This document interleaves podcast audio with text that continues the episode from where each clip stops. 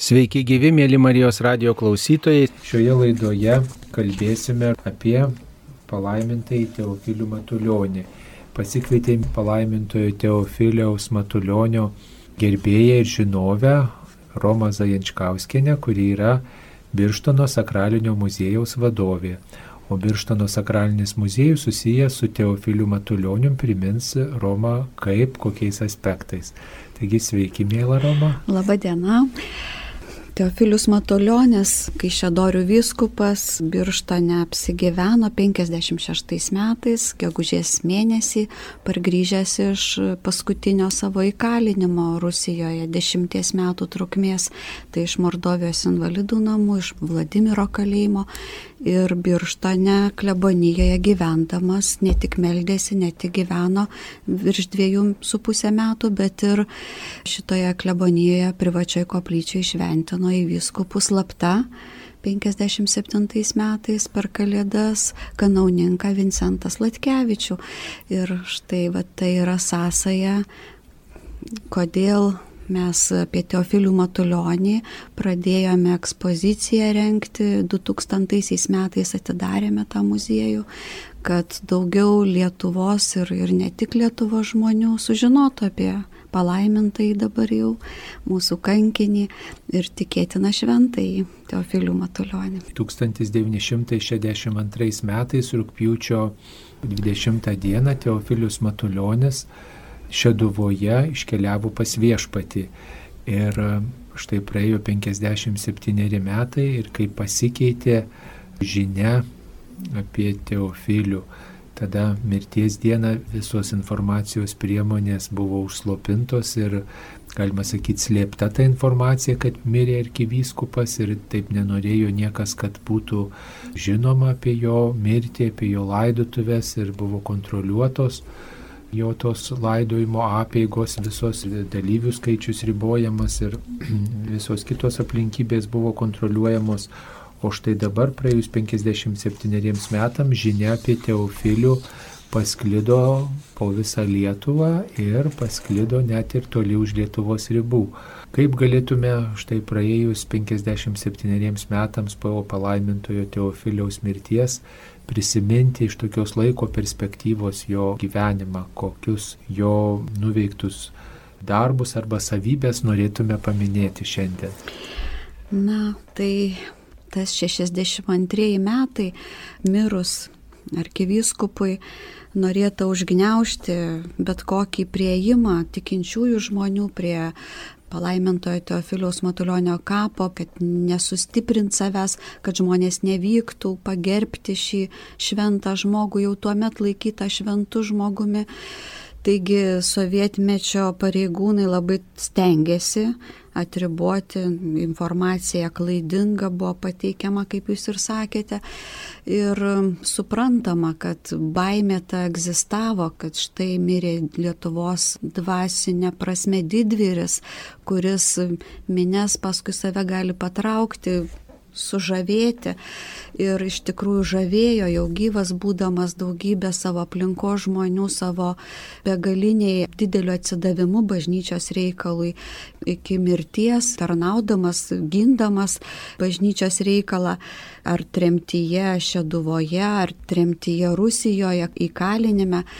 Tai reikia žinoti tą tiesą, jog šiandienos perspektyvos mes matom, kad didvyriai nemiršta šventi žmonės jie nemiršta, jie tik dar labiau gyvena. Ir po mirties jų gyvenimas, jų malda, jų pasiaukojimas jis tampa tik matomesnis, netgi galima tai būtų paprastai pasakyti, tikinčiųjų širdyse įsigyvena ir tie, kurie gerbė atminimą, seka pavyzdžių ir stengiasi atliepti Dievo valiai, jie tampa tarsi šie šventieji, Teofilius Matuljonis konkrečiai tampa mums tuo tokiu, na, prieš mus einančių vadų, kuris rodo kelią, ką daryti, kad tapti šventu, kad panašėti į Kristų. Jisai ėjo be galo sunkiu keliu 20 amžiui. Jo kelionė buvo tragiška, sakytumėm, daugybėje atvejų, bet ištvėrė, buvo ramus savo pašaukime ir ko meldė savo pažįstamiem ir netgi nepažįstamiem savo viskupijos tikintiesiem, būdamas ir toli. Tai būtent tos ramybės, ištvermės ir išlikti ištikimiems ir pašaukime krikščioniškame ir savo gyvenimiškose pašaukimuose. Ir kaip jis linkėdavo daugybėj savo laiškų, palaimintasis Teofilius, likite sveiki ir linksmi kai kada pridėdavo Kristuje, kai kada nepridėdavo, bet tas jo likite sveiki ir linksmi. Gražus labai palinkėjimas. Nepasimeskite įvairiuose kryškelėse, pervartose. Jis tą galėjo sakyti, nes buvo labai patyręs ir žinojo, kad tai ištvermė rami, ištvermė vienišume, ištvermė lygoje, ištvermė neįgalume, jinai labai reikalinga. O padėti kas galėtų, tai pagal Teofiliaus irgi gyvenimo pamokas mes žinome, kad jis labiausiai vertino tai tą maldą. Sako, aš nebijau mirti, aš nieko nebijau, ar kad suims, ar įkalins. Gal vienoje vietoje skaičiau laišką, sako, gal atbuko jausmai mano, jis pats net abejot pradėjo, kodėl jis toks be baimės. Bet kitoje vietoje jisai sako, kai meldiesi, tai nieko nebijai. Tai va turbūt čia ir yra ta paslaptis, kodėl daugelis mes bijom kai ko, kad mes tiesiog pamiršom tą susivienimą su viešpačiu savo baimėse, savo iššūkiuose, nelaimėse, asmeninėse galbūt. Labai dažnai esam tokie kaip, nu, nendrė, sviruojam, sviruojam, o jeigu įsikiptumėm į viešpatės išganytojo kryžių dažniau, apsikabintumėm, na, sakykime, jo kojas arba mąstytumėm, kaip Teofilius sako, kiek jis iškentėjo dėl mūsų, galbūt tada mes būtumėm daug drąsesni ir ramesni. Iš jo rašto turbūt vienas gražiausių sakinių, kai aš melžiuosi, nieko nebijau. Nes malda Taip. žmogui duoda daug drąsos ir daug stiprybės, duoda, atrodo, nu, sakinys iš širdies, širdies atvėrimui, bet jisai duoda labai daug jėgų, davė bent jau Teofiliui ir Taip. tada gali duoti ir mums. Kaip sakoma, kad karelai turi tokią patarlę puikią, vad Karelijoje kalėjo Teofilius keturis metus, ypatingai žiauriuose lageriuose. Karelai sako, jeigu eini su Dievu, tai bet kur gali nueiti, bet be Dievo net iki slengščio namuose neik.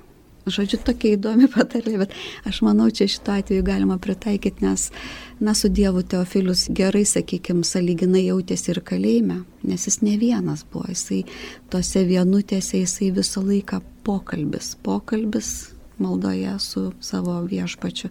Ir tikriausiai neklausdavo, kodėl. Jam buvo labai aišku, kodėl. Ta prasme suvokė jisai. Manyčiau, šventasis suvokė, palaimintasis Teofilius dėl ko jisai kalintas, dėl ko jisai kenčia.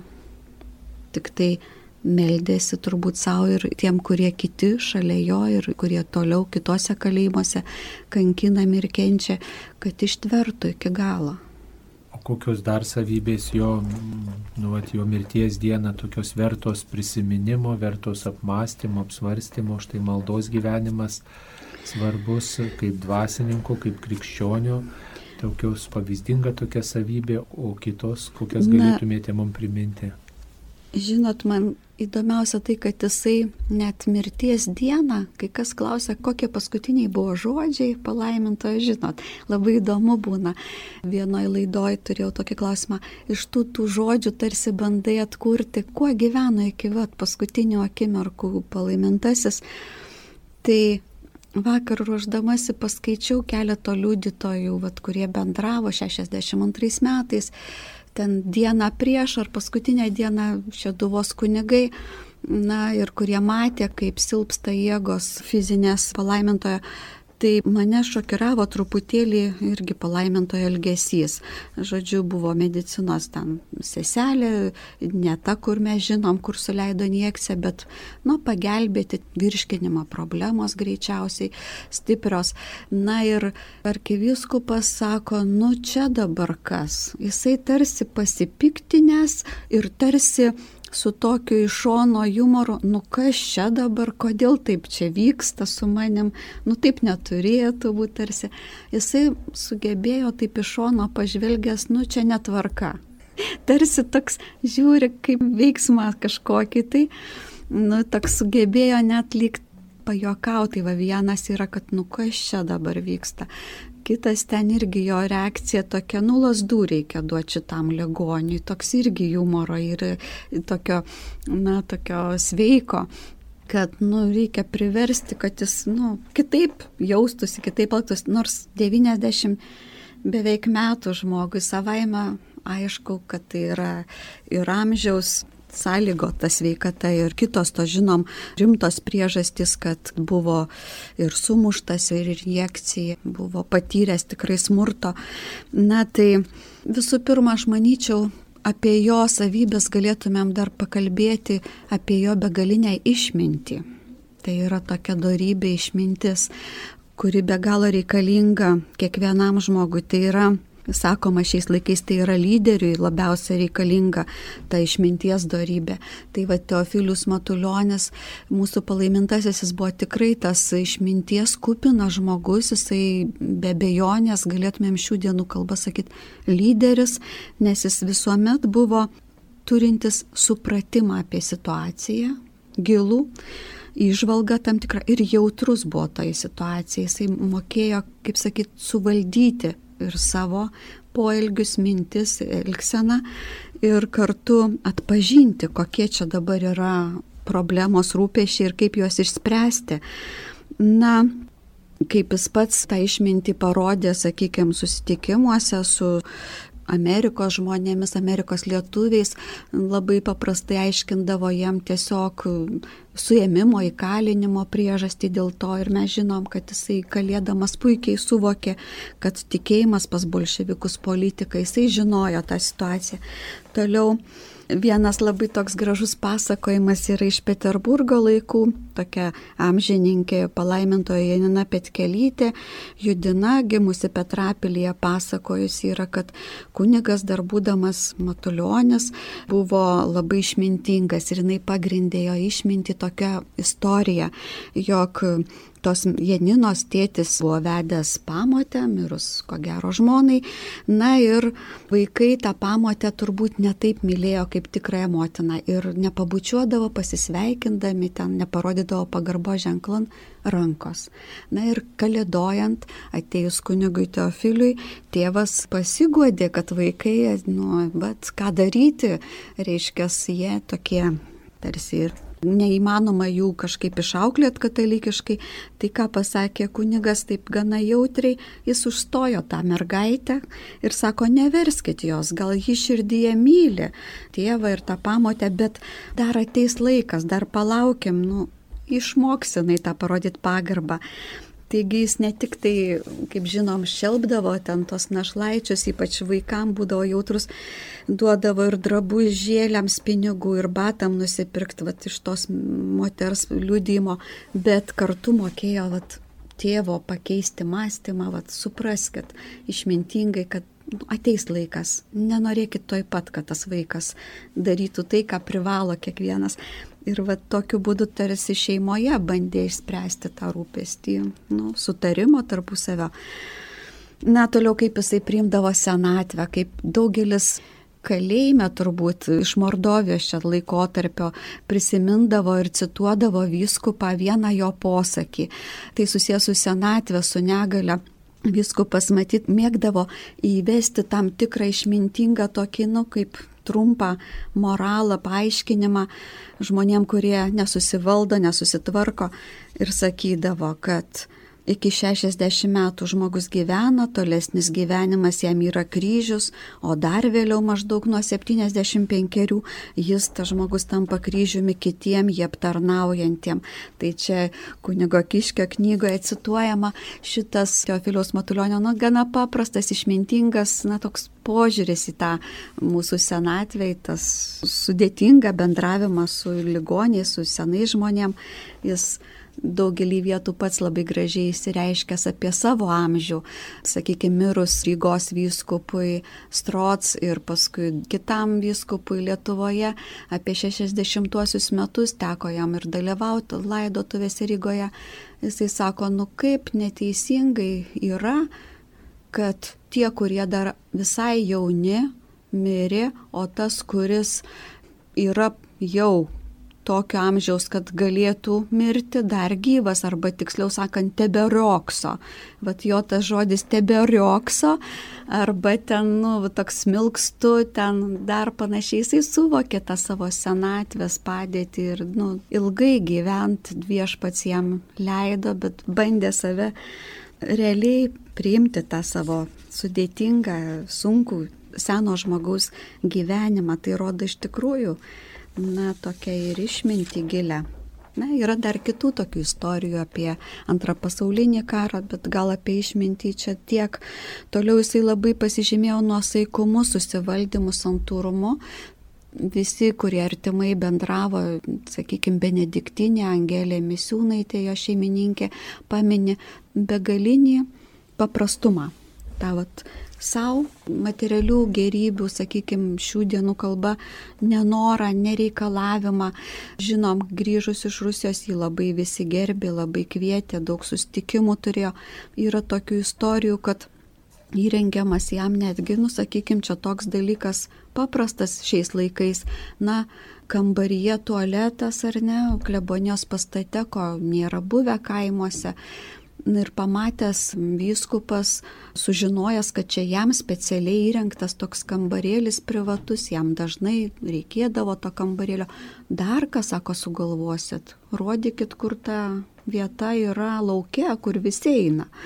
Na tai žodžiu, tas toks nenorėjimas, kad jį būtų ypatingai, kaip sakyti, jam kažkas išskirtinio duodama, tai labai buvo ryškus jo bruožas, tas paprastumas gal vienas iš tų bruožų, kurį visi matė, kas bendravo artimai su palaimintuoju Teofiliumi ir žavėdavo, sakydavo tokio aukšto rango dvasininkas, vyskupas, kankinys ir toks nusižeminęs, toks kuklus, sakykime, Benediktinių vienolyje Kaune pradėjęs savo tarnystę ar ne, atvykęs, pirma diena, pirmas pokalbis žavingas yra, nes jis sako, matos labai jaudinos.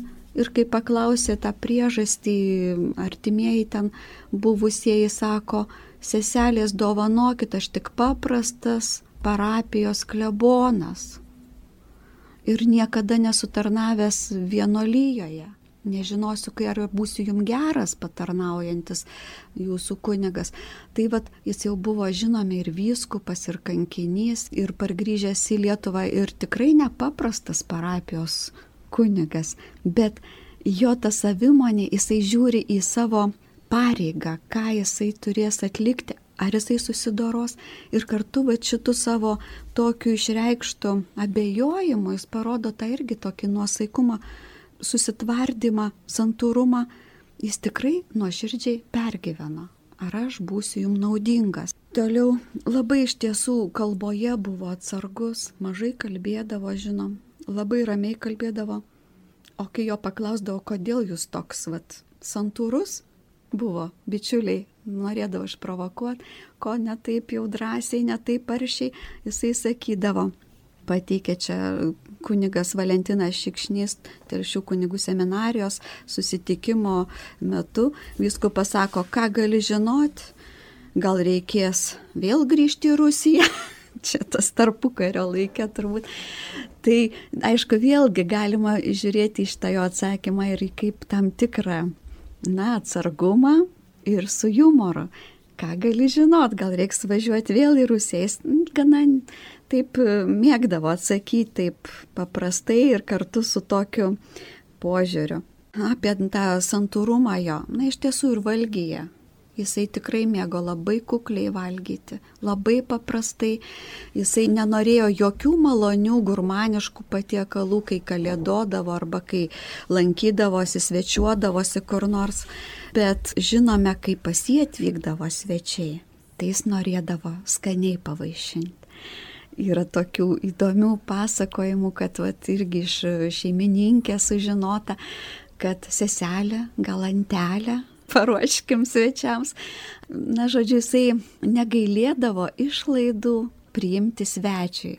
Tai irgi rodo labai didelę artimo meilę tam atvykusiam, užsukusiam laukiamam svečiu ar viešniai, o pats tuo pačiu visiškai jokių sąlygų kitiem nekėlė, nereikalavo ir, na, buvo toks e, gana santūrus, bet labai mėgo bendrystę.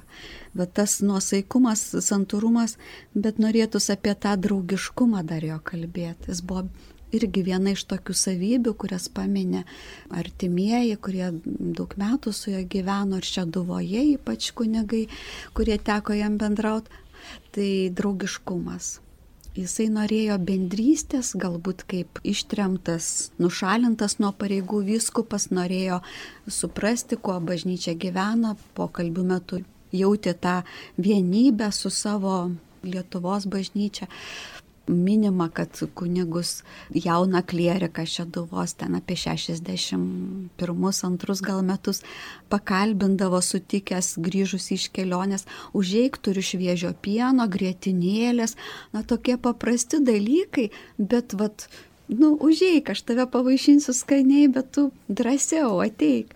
Tai vad jam žinom tikrai nebuvo sunku, jis tai nebuvo nusišalinęs, nebuvo tas, sakytum, santūrus, susivaldantis, gilus dvasinį gyvenimą gyvenantis žmogus, kuris užsidaręs, jis nebuvo užsidaręs, jis buvo labai atviras. Iš tų daugybės laiškų išlikusių mes tą suprantame, iš to betarpiško bendravimo, mokėjimo apseiti ir to na, draugiškumo ir pagalbos vieni kitiem. Žinom, kad jis labai norėjo visiems atliepti į rūpešius. Pavyzdžiui, kažkuris kunigas parašė laiškė, kad neturim ten Arnotui naują medžiagos, jis rašo atsakymą, atvažiuok kažkai ko šeduvoj turiu.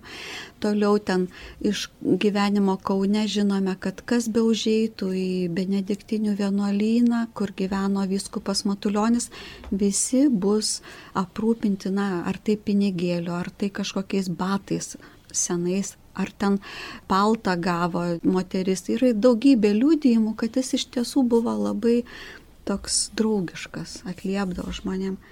O kaip jam pavyko patyrus beveik 20 metų įvairius tokius, kaip sakant, ribojimus, laisvės atimimus ir sėkimą ir skriaudą išsaugoti gerą tokį ūpą ir atsisakyti tokios neapykantos, nes mes kaip susidurėm su tuo žmogum, kuris yra priešiškas, natūralu, kad gimsta toksai priešiškumas jam ir kai kurie žmonės labai piktai atsiliepia apie savo skriaudėjus, apie savo persekiotojus, o jis daugybę kartų buvo persekiotas, niekintas, skriaustas, muštas, sekamas, juk jo ir klausydavosi ir, ir stebėdavo daugybė žmonių, sekdavo jo, jo žingsnius, kuris eidavo, su kuo bendraudavo ir kaip jis atsiliepdavo apie tuos žmonės, kurie buvo jo persekiotojai.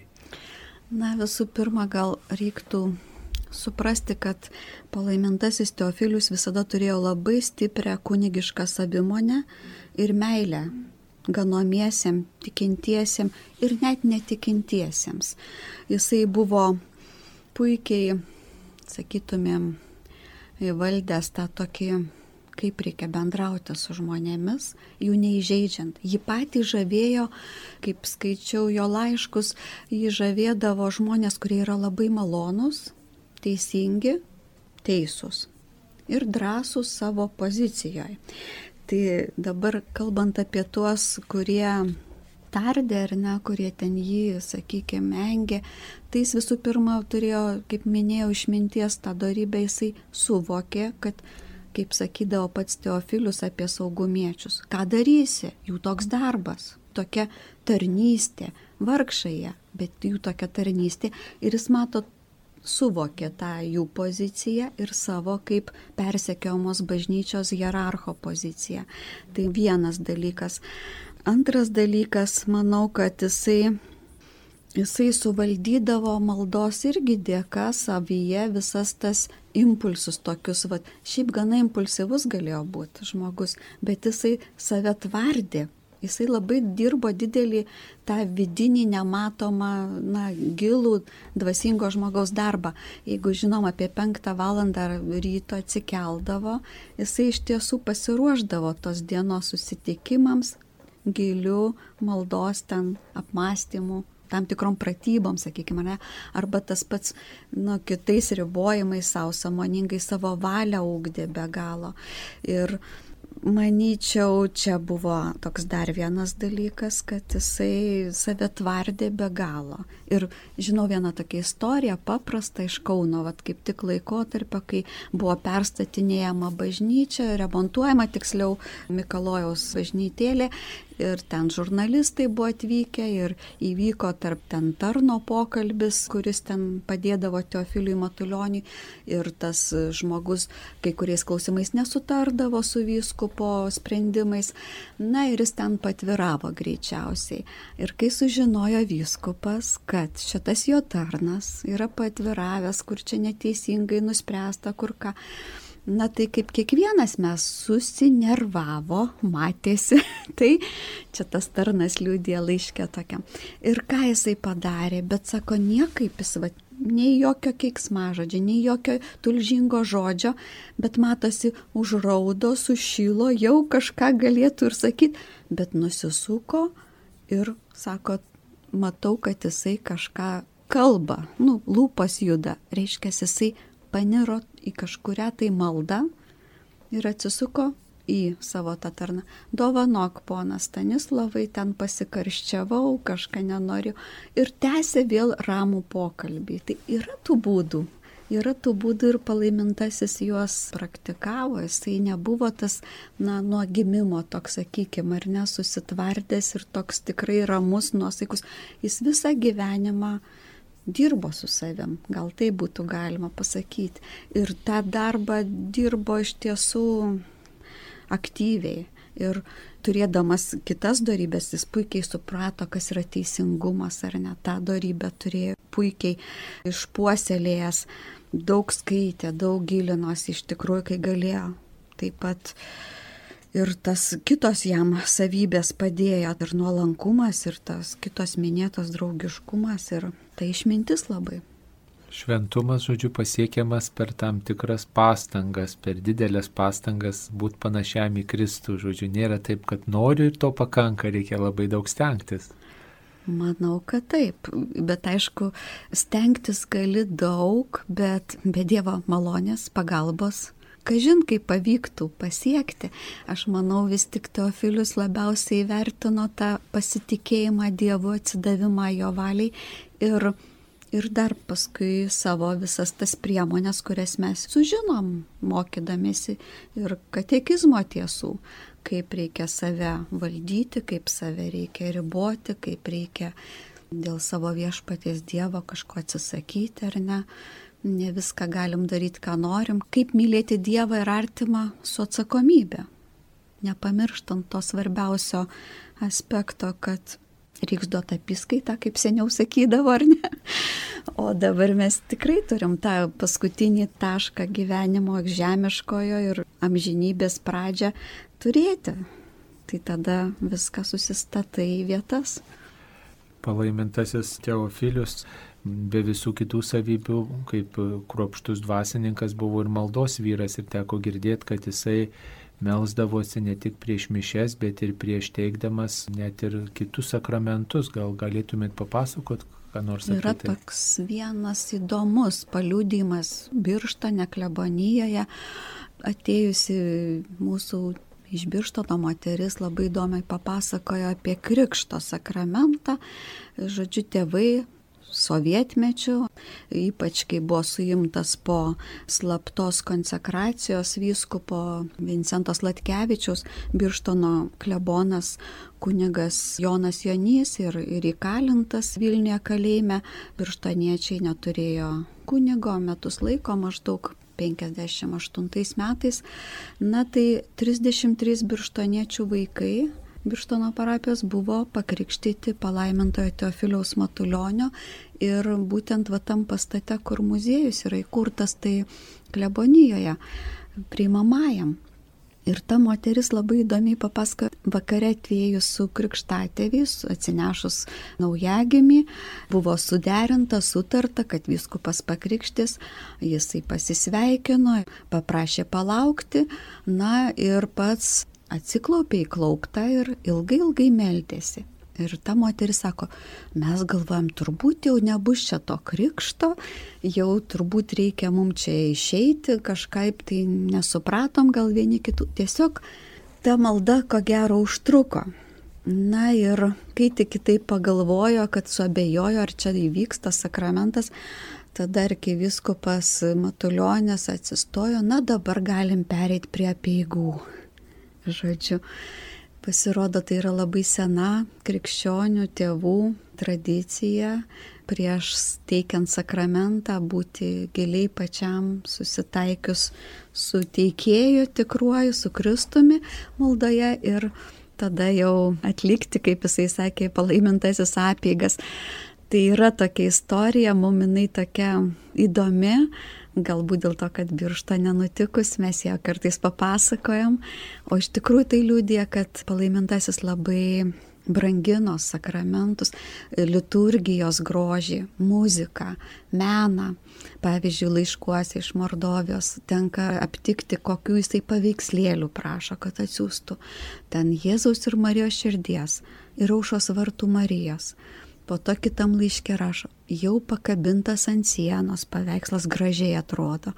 O muzika taip pat jam buvo svarbu, kad gesminai, kurie publikuojami, kad būtų giesmės visi žodžiai publikuojami, sakykime, nesutrumpinta ta giesmė. Tarpu kariu buvo vienas publikacija ir paprašyta buvo to tarno turbūt parnešti iš knygino ir toj pat vartė žiūrėjo ar visiai posmeliai yra gesmės ir žiūri, nu žalčiai, nukirpo. Reiškia, ne visus ten iš kokių septynių, penkis tik įdėjo ar keturis tulpelius. Jam buvo svarbu tas pilnas tekstas. Tai vad buvo gana toks preciziškas žmogus ir labai liturgija jį žavėjo, kad Dievui garbė būtų teikiama gražiai, kaip sakyt, kilniai. Gal ne veltui jisai buvo slaptosios kunigų seminarijos dėstytojų pakviestas, gal ne ilgą laiką, bet 1928-1929 metais Peterburgė, tuometiniam Leningrade, jisai dėstė būtent liturgiką. Tai galbūt dėl to, nes minima liudininkų, kad jo pamaldos būdavo galbūt ir ilgesnės, bet jos labai pasižymėjo to tokiu kilnumu lėtos, gražios, viskas ištverta, gražiai, prakilniai. Ar dar kažkokių naujų liūdėjimų tenka išgirsti, dabar kai paskelbtas palaimintuoju Teofilius Matuljonis iš kitų žmonių, kurie galbūt atrado jo laiškus arba išgirdo kažkokią istoriją, gal pasidalina su jumis, kad ir prabėgus tiek daug metų. Na tai kai atvyksta lankytojai, pas mus žinoma pasidžiaugia, pavyzdžiui, kokie tai tolimi giminaičiai, kad, bet, pavyzdžiui, apie tas purgas ten tokia smulkmena, kokie saldumynai klebonijoje toje būdavo. Tai va irgi yra iš tų tokių tolimų giminaičių, kurie buvo maži vaikai, bendravo, toje aplinkoje polsiaudavo, ten atvykdavo į klebonę. Tai tokie vienas kitas, šiaip labai daug, žinot, jau liudininkų mes neturim daug. Pavyzdžiui, tas žmogus, kuris parvežė giminaitis Teofilius Pilką, Teofilių iš Mordovijos 56-aisiais, tuo metu buvo jaunas stiprus vyrukas, giminė, jis dar gyvas ir vatys kai ką papasakoja, pavyzdžiui, tokia važiuojant pokalbių metu, bendraujant, abu bendravardžiai, teofiliai, giminės gana netolimi. Ir sako, kaip tave, palaimintasis klausė, kaip tave vaikystėje vadino? Jam proga paklaust, tai Teofilius Pilka, tapilium. O ir mane taip pat tapilium vadino. Ir jis turi progą pasidžiaugti. Nu, va toks viena kita tokia nedidelė istorija iš to tokio paprasto bendravimo. Tai sužinom, bet, bet tokių jau didelių istorinių įvykių, apart to, kas aprašyta, publikuota istorikų, yra dokumentų publikacijose, tai žinoma neatsiranda.